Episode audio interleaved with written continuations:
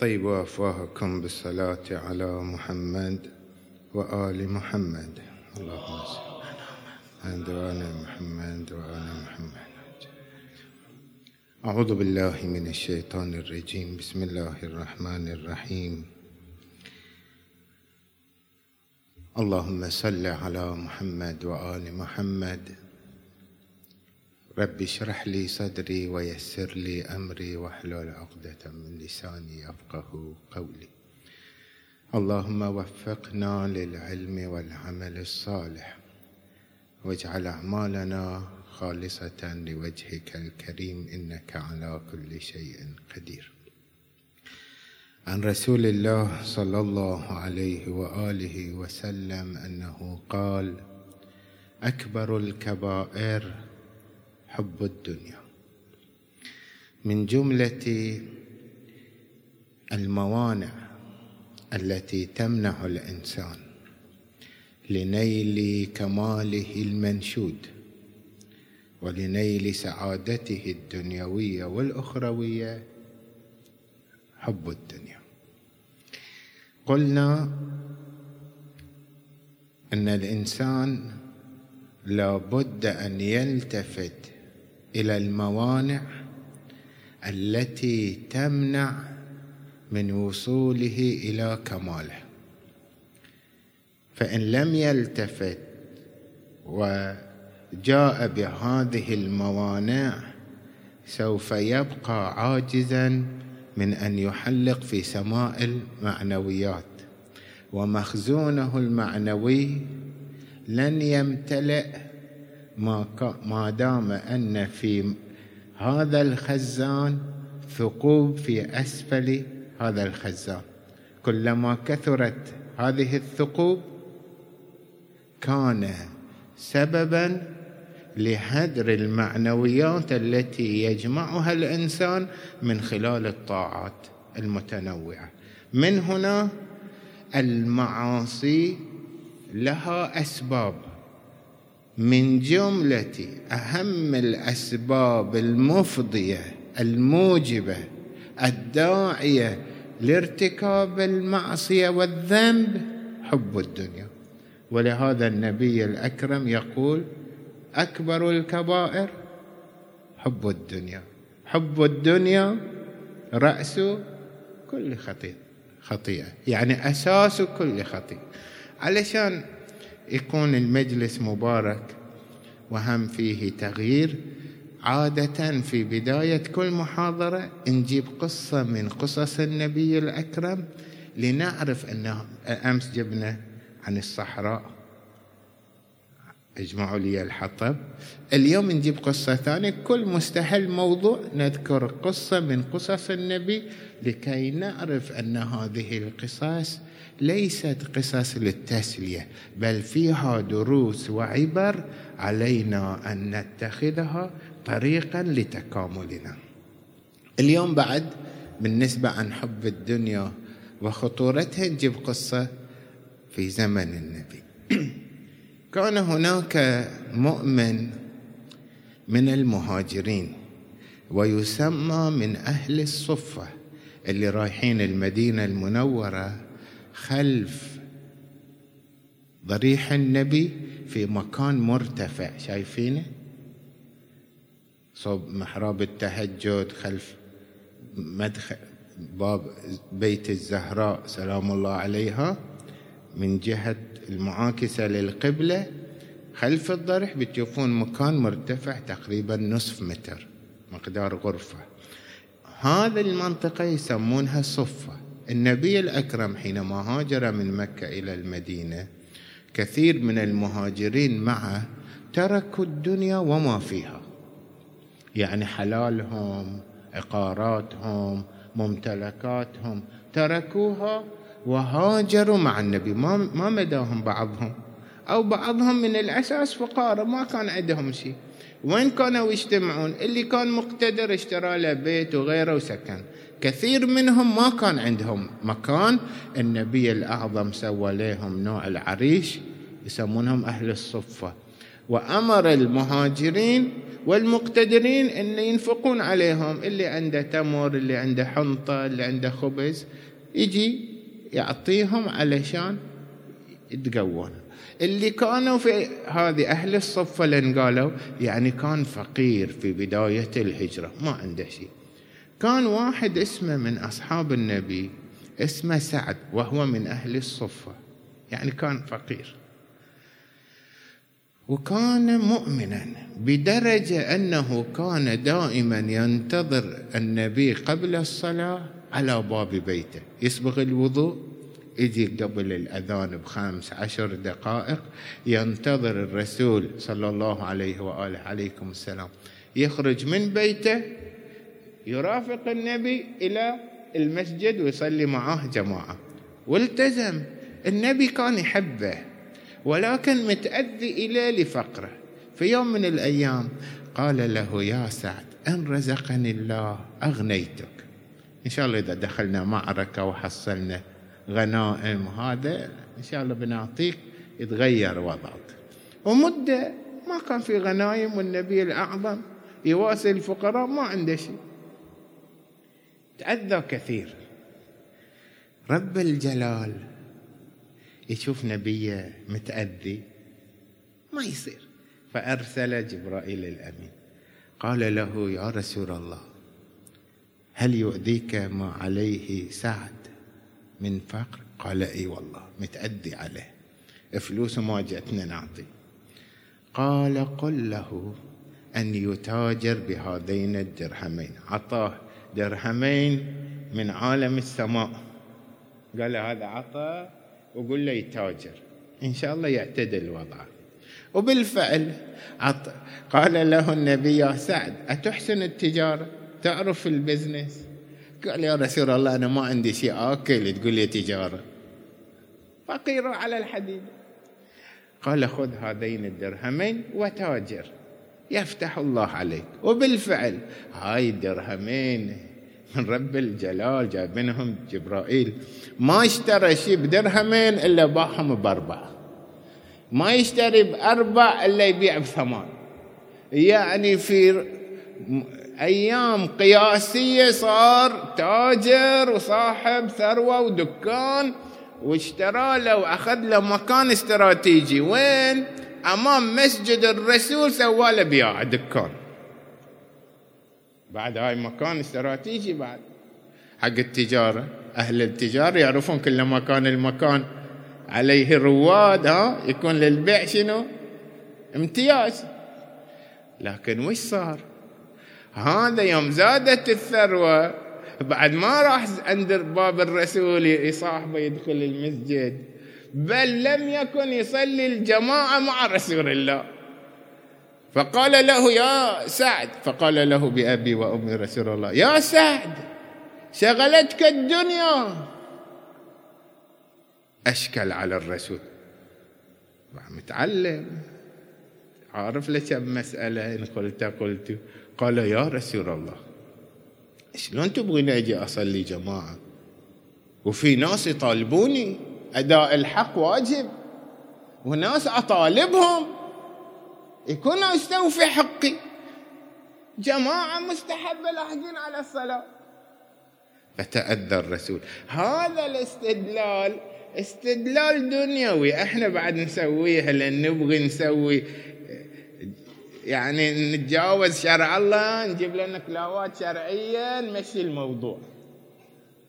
فساء رسول الله ذلك. وإلا يقدر يصلي جماعة وبعدين يستوفي حقه عنده إلى إلى الصلاة الثانية. أربع خمس ست ساعات عنده خليه يروح يستوفي ها؟ فساءه ذلك الرسول. نزل جبرائيل مرة ثانية. محبوب السماء. يستاء. جبرائيل نزل.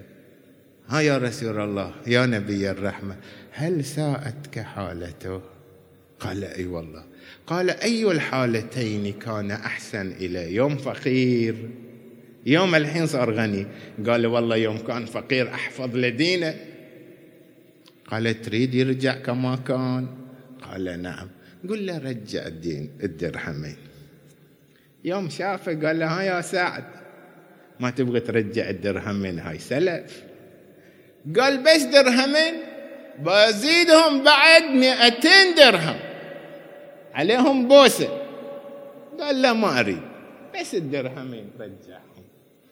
مسكين هذا سعد رجع الدرهمين ورجع على الحديده خسر البزنس ماله كامل. صار فقير رجع للصف الأول. نضحك. إحنا ما جتنا ثروة سعد ولا ثروة هارون علشان نقول إحنا وإحنا. ترى ساعات إحنا مسؤولية في مكان ما أو امتحان في تجارة أو أو حادث سيارة. أعرف الطرف المقابل ضعيف ما يقدر ينتصر لنفسه. أخلي الغلط عليه لو بقوة علشان شنو؟ ما أخسر التأمين وأصلح سيارته. إحنا شغلتنا الدنيا لو ما شغلتنا الدنيا. شوفوا جبرائيل الأمين حينما رجع مرة ثانية إلى النبي وقال له ساءتك حالة سعد قال له نعم. هني في حكمة منقولة عن لسان جبرائيل الأمين. عن حالة سعد ولنا كافة. ماذا قال له؟ قال جبرائيل للنبي إن حب الدنيا والأموال فتنة ومشغلة عن الآخرة.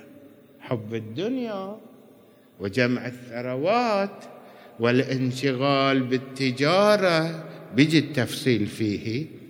هذا يلهيك عن الآخرة والاستعداد للآخرة. فتنة. ما يخليك تستعد.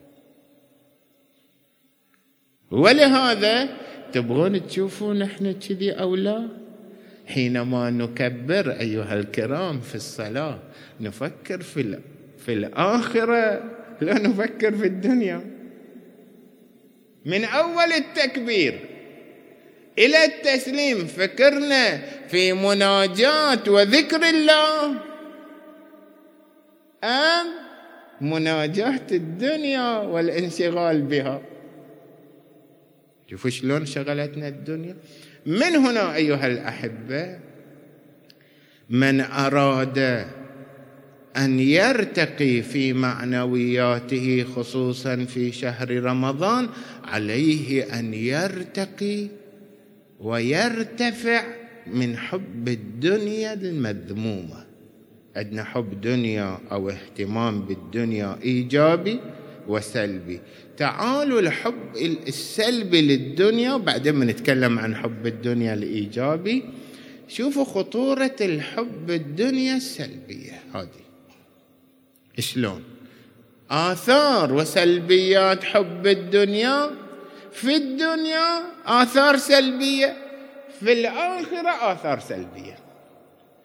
والشواهد الشرعية كثيرة. أنا أذكر لكم نماذج من مخاطر حب الدنيا في عالم الدنيا سلبيات ذلك وسلبيات في دار الآخرة.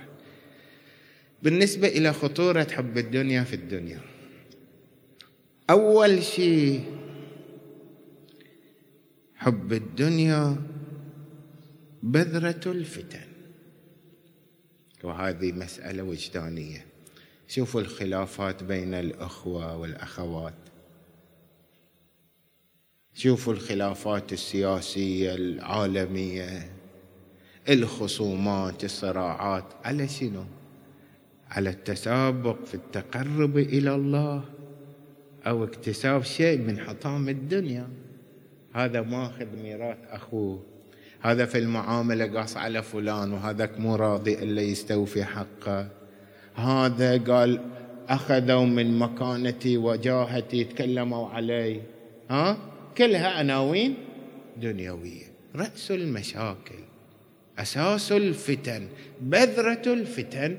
والخلافات منشأها عناوين دنيوية. ولهذا فيما أوحى الله سبحانه وتعالى إلى موسى الكليم عليه وعلى نبينا أفضل الصلاة والسلام قال اعلم أن كل فتنة بذرها حب الدنيا أساسها كل فتنة حب الدنيا. هاي واحد. منشأ الهم والطمع والحرص والآمال الغير الحاصلة اللي ينشغل بحب الدنيا يبحث عن السعادة. بس هذا لو مليونير بعد ما عنده سعادة. شلون عنده فلوس؟ ببين ليه خلني أقرأ لكم أول شيء الرواية ونشرحها. الإمام الصادق عليه السلام يقول من تعلق قلبه بالدنيا يعني فكرة شاغل الدنيا. تعلق قلبه بثلاث خصال. هذا اللي حب الدنيا حبا شديد لا ينفك من ثلاثة هموم. أنت تبحث وأنا أبحث عن المال لشنو؟ للسعادة. السعادة أمر ظاهري لو نفسي سعادة أمر نفساني. صح ولا لا؟ هذا اللي يحب الدنيا ما يعيش حاله من السعاده. ليش؟ قال من تعلق قلبه بالدنيا تعلق قلبه بثلاث خصال ابتلي بثلاث خصال سلبية. هم لا يفنى. دائما حتى المليونير عنده هم. ليش؟ هم هموم مو هم هام. يشوف واحد أرفع منه مليونير ملياردير يقول متى أوصل إليه؟ بدل ما يشتغل أنا وأنت اللي في الموظف يشتغل ثمان ساعات و16 ساعة إليه. هذا أبو الفلوس يشتغل ثمان ساعات لو 12 ساعة و13 و14 ساعة. ليش؟ لأمرين. هم عنده يشوف واحد أرفع منه يبغى يوصل إليه. وما لم يصل إليه يعيش هم وغم. من جهة ثانية عنده هم أن هذه المكتسبات اللي تعب عليها سنين ليكون تقل الميزانية عندي ورصيدي في البنك. ولهذا دائما يشتغل لو كان عنده فلوس إلى سبعة أحفاد يكفي سبعة أجيال يكفي بعد يشتغل. أنتم شفتون واحد مليونير أو ملياردير. قال الحمد لله وشكر. عندي ما يغني الأحفاد وأحفادهم وغيرهم. بس خلاص فار وفا بزار بقى ممنون خدا خيلي دادين شايفين ولا بتشوفوا هذا هم. غم. ولهذا ابتلي بهذه الأمور. هم لا يفنى وأمل لا يدرك. يبغى يوصل للي أعلى منه وما يوصل. آماله خائبة. يعيش حسرة وندامة. بعد ورجاء لا ينال. يسوي معاملات. ساعات يتوقع أنه يربح مئة بالمئة يربح خمسين بالمئة. يقول أنا خسرت في التجارة. والله ربحان. بس هو يقول شنو؟ رجائي ما تحقق. كنت أتمنى من هاي المعاملة أحصل مليون دينار. حصلت نص مليون. يجي البيت مطنقر على العيال. سووا لي معيار هاي والله لا. هاي يشوفونه بالوجدان والله لا. يا ورد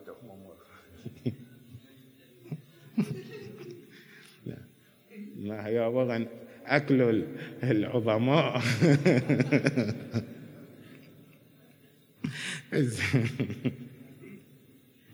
الزين حرام عن رسول الله. حرام يعني ممنوع منعا باتا حرام على قلب على كل قلب يحب الدنيا أن يفارقه الطمع. ما يحصل. ملازمتين. حب الدنيا والطمع في تلازم. وهذا حسرة. ما يعيش هنا. وسعادة. الزين منشأ العناء منشأ لشدة الحسرة عند افتراق هذه الأموال. عند الموت يشوف أوه سبعين سنة. تعبت جمعت. الآن ولا دينار من هذا الدينار. دنانير والملايين ينفعني. بفارق. كل ذلك للورثة. ومقبل على الله صفر اليدين. يعيش حسرة يقول يا ريت. سويت لآخرتي. كلهم بيتنعمون وأنا صفر اليدين. فبيع وكلما كان حرصه الشديد في دار الدنيا وغفل عن الآخرة كلما كانت الحسرة عند فراق النعيم الدنيا والدنانير والملايين حسرة أكثر. لأن يرى أن غفلته وجهله كان شديد. اشتغل لغيره ما اشتغل لروحه. وهذا مدركه عن أمير المؤمنين. من كانت الدنيا همته اشتدت حسرته عند فراقها. يعني ما يكون حسرة حسرته شديدة. لأن كل عمره على دنانير على ولا دينار. بعدين ينكشف له أن اللي سواه كان غلط. كان مفروض يعمر الآخرة ما عمر. فيضرب على رأسه ما ينفع. الزين بعد طولنا. منشأ حرمان البصيرة؟ قاعد أختصر لأنه واجد طولنا في هذا نسأل الله البركة في الوقت والسماح في الوقت. أمير المؤمنين عليه السلام منشأ عدم البصيرة. لحب الدنيا صمت الأسماع عن سماع الحكمة وعميت القلوب عن نور البصيرة. ما تشوفون؟ إحنا إحنا خليك عن التجار. ما الحين حتى التجار خلهم يشاركهم. ما تشوف ساعات تسمع محاضرات وكلمات معنوية وفلان. قلب ما يتفاعل. التاجر أبعد ما يكون عن الواضع كم مثلا من مئة تاجر ومليونير كم واحد فيهم مؤمن وملتزم؟ ما عنده بصيرة حكمة ما يسمع. لو سمع الحكمة كانت آذانه صماء. لا تصل يبغي فلوس. أنا وأنت إذا ما تأثرنا نسأل روحنا ليش الوعظ والموعظة ما تأثر فينا؟ في عندنا أولويات غير اللقاء غير الكمال والسعادة. اللي قلبي ما قاعد يستجيب. إذا تبحث وأنا أبحث نشوف في شواغل وهموم هي الشاغلة والمانعة من الاهتمام والتأثر. هذا جانب دنيوي. جانب الأخروي لأن طولنا. منشأ الضلال والانحراف عن صراط المستقيم. أكبر الكبائر حب الدنيا. يعني سبب الضلال وأي ضلال أكبر الكبائر. يعني عندنا ذنوب كبيرة وعندنا ذنوب صغيرة. هاي الذنوب الكبيرة أكبرها أعظمها أهمها النبي الأعظم يقول أكبر الكبائر الزين حرمان الجنة. حب الدنيا سبب في حديث المعراج الله يخاطب النبي لو صلى العبد صلاة أهل السماء والأرض يجي عابد بس يحب الدنيا يصلي صلاة الملائكة ما يفتر. ويصلي صلاة العباد في الأرض. ما يفتر صلاة وصوم وخمس وزكاة. خمس زكاة عن فيه نمر ويصوم صيام أهل السماء والأرض. ويطوي من الطعام مثل الملائكة. مثل الملائكة ما يأكل. ولبس لباس العاري. يعني كان في لباسه بعد زاهد. إلى أن يقول لا يجاورني في داري. هذا العابد لا يجاورني في داري. يعني ما يكون في الجنة. ليش؟ ولأنزعن من قلبه محبتي. لو كان في قلبه ذرة من حب الدنيا. ذرة التي تجعله يعصي الله. مو تعلق مثلنا إذا كان في مرضاة الله. هذا الذنب هذا الذنب.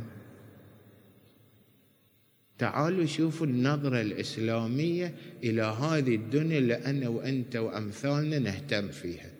إيش قد قيمتها الشرعية؟ قيمتها الشرعية في النظرة الإسلامية الدنيا هذه الخلابة اللي محل همومنا شقد قيمتها. الرسول الأعظم يبين يوم من الأيام ويا أصحابه يمشي مر على جيفة. شات ميت منتفخ يبين على أذاين مقصصة في مرض.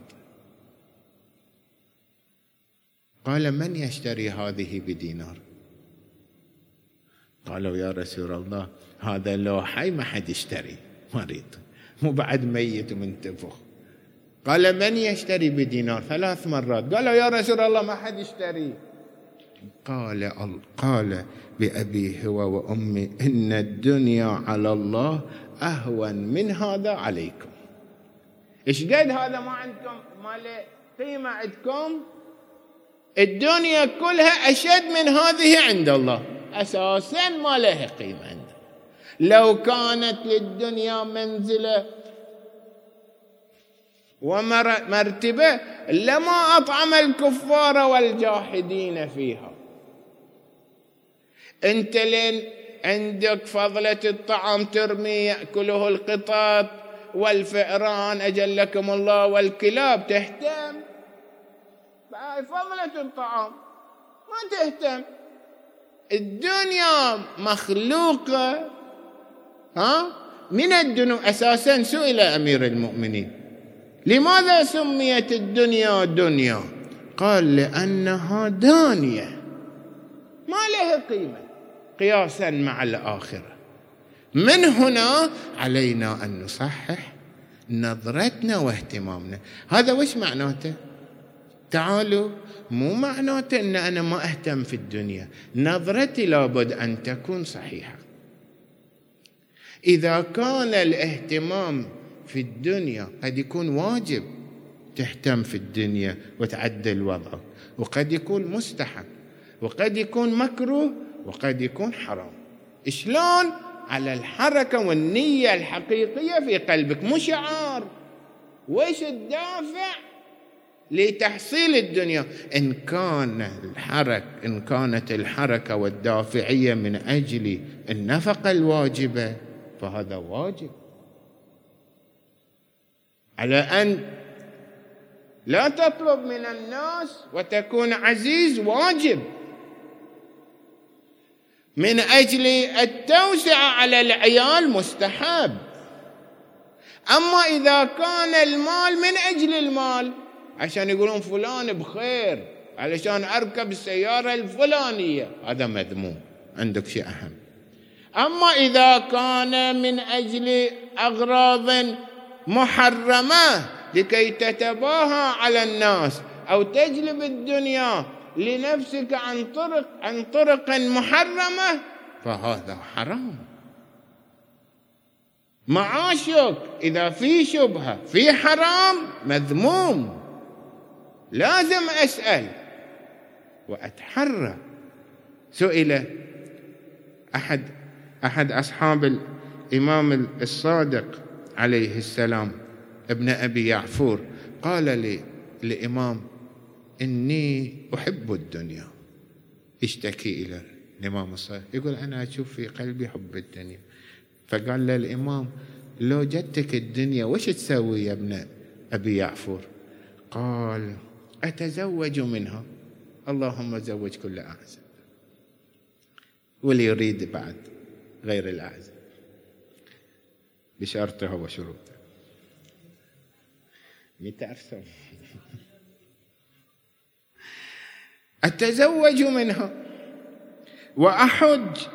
وأنفق على عيالي. وأنيل إخواني وأتصدق. شوفوا العناوين. يبغي الدنيا للحج للصدقة. للتوسعة على العيال. مساعدة المؤمنين. فقال هذه ليست دنيا. هذه للآخرة. إذا كان الهم والاهتمام بالمشاريع والثروة من أجل بناء راق راجح عقلا وشرعا فهذا ليست مذمومة بل راجحه شرعا. صار واضح؟ الزين عاد هذا في الميدان يبين لو أنت جمعت فلوس وعرفت أخوك محتاج توقف وياه. صديقك عزوبي يبغي مرة توقف وياه شيخ أعزب تزوجه شيخ أعزب أنا مو أعزب. الزين.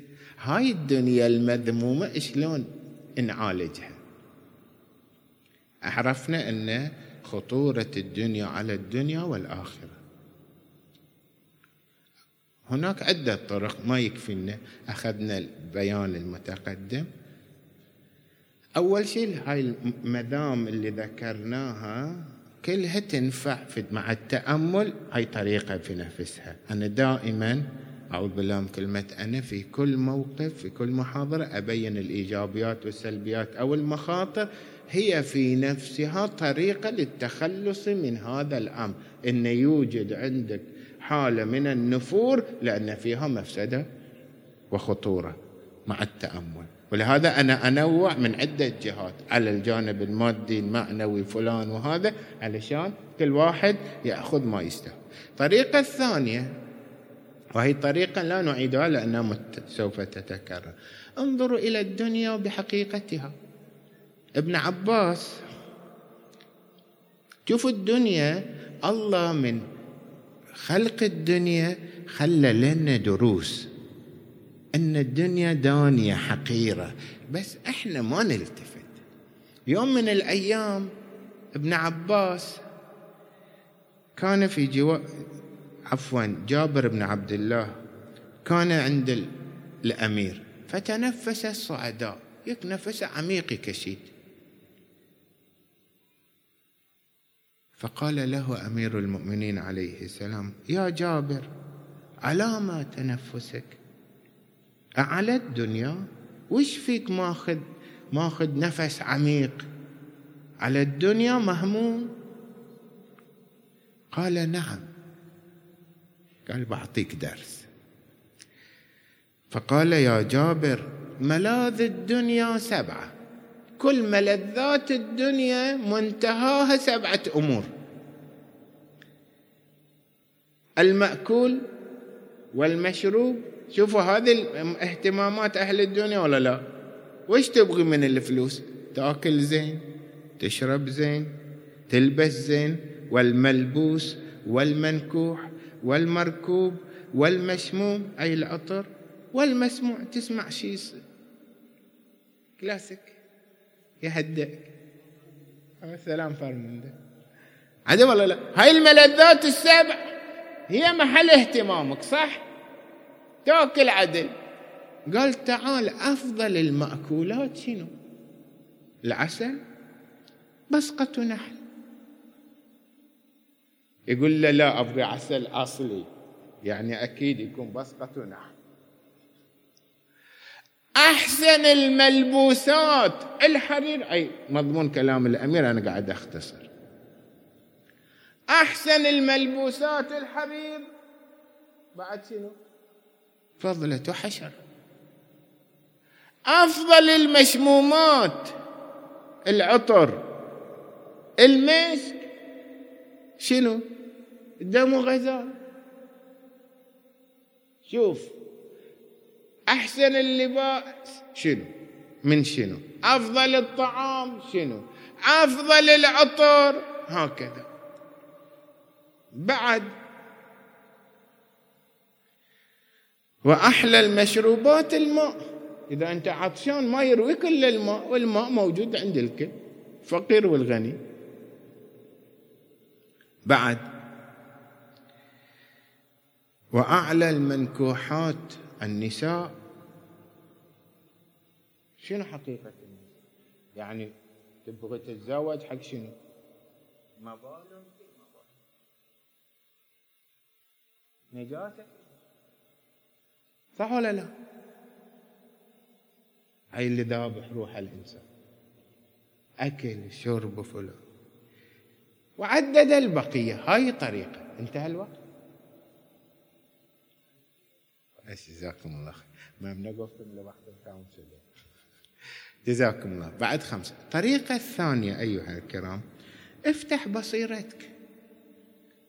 إحنا مثل ما قلت أمس ما نفكر صح. أو بعبارة أدق ما نعطي روحنا مجال للتفكر.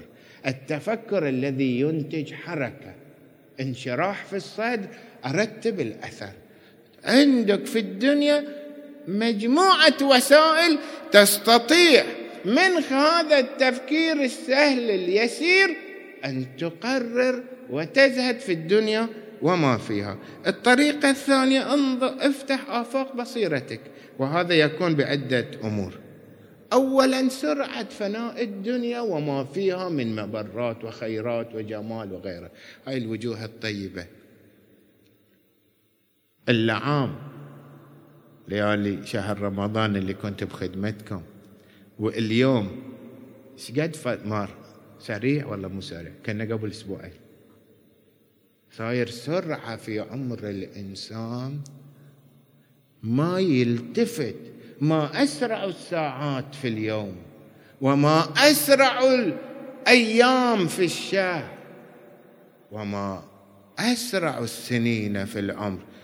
قبل مدة كان عمرك إذا طالع توني متخرج من المدرسة. الآن؟ كان قبل سنتين ثلاث وأنت مضى عليه سنين. الأحداث تمشي. فإذا كانت الأحداث تمشي بهذه السرعة ونحن سوف نقبل على الله ما يستاهل واحد يضيع عمره على شيء في سرعة من الفناء برقم قياسي. ثانيا انظر وانظر إلى أن هذه اللذات في نفسها إذا كانت من الحرام أو من غير الحرام سريعه الزوال. وإذا كانت من الحرام اللي هي المذمومة فعقابها شديد واللذة سريعة الفناء. ولهذا أمير المؤمنين ينسب إليه هذا الشعر تفنى اللذاذة ممن نال صفوتها. مهما يكون عندك من الدنيا ومن خيراتها إذا لم تكن من الحلال هذه النعم فهي سريعة الزوال. تبغي تاكل خمس دقائق على الوجبة انتهت اللذة. يكون تتحمل أذى إخراج هذه اللذة بعد ساعات. صح ولا لا؟ وهكذا حتى كل شيء في لذة الدنيا سريعة. وبعدها عناء تفنى تفنى اللذاذة ممن نال صفوتها من الحرام ولكن ويبقى الإثم والعار. ترى اللذات تروح إذا من الحرام تروح سريع لكن حسابك باقي. تبقى عواقب سوء في مغبتها لا خير في لذة تعقبها النار. أكتفي بهذا المقدار وإن كان هناك أكثر أو طريقتين بعد كنا نحب نذكر بس مشكلتي تحكم في الوقت عندي ضعيف جدا. أسأل الله بركات دعاكم وهذا المكان الطاهر نوفق. اذا هذه التي ذكرتها لكم لا يكتفي الإنسان بسماعها مرة واحدة بل يذاكر ويراجع ويزرع في نفسه كما هو مطلوب في الروايات أن نبغض الدنيا كي لا تشغلنا عن عاقبتنا. أستغفر الله لي ولكم وصلى الله على محمد وعلى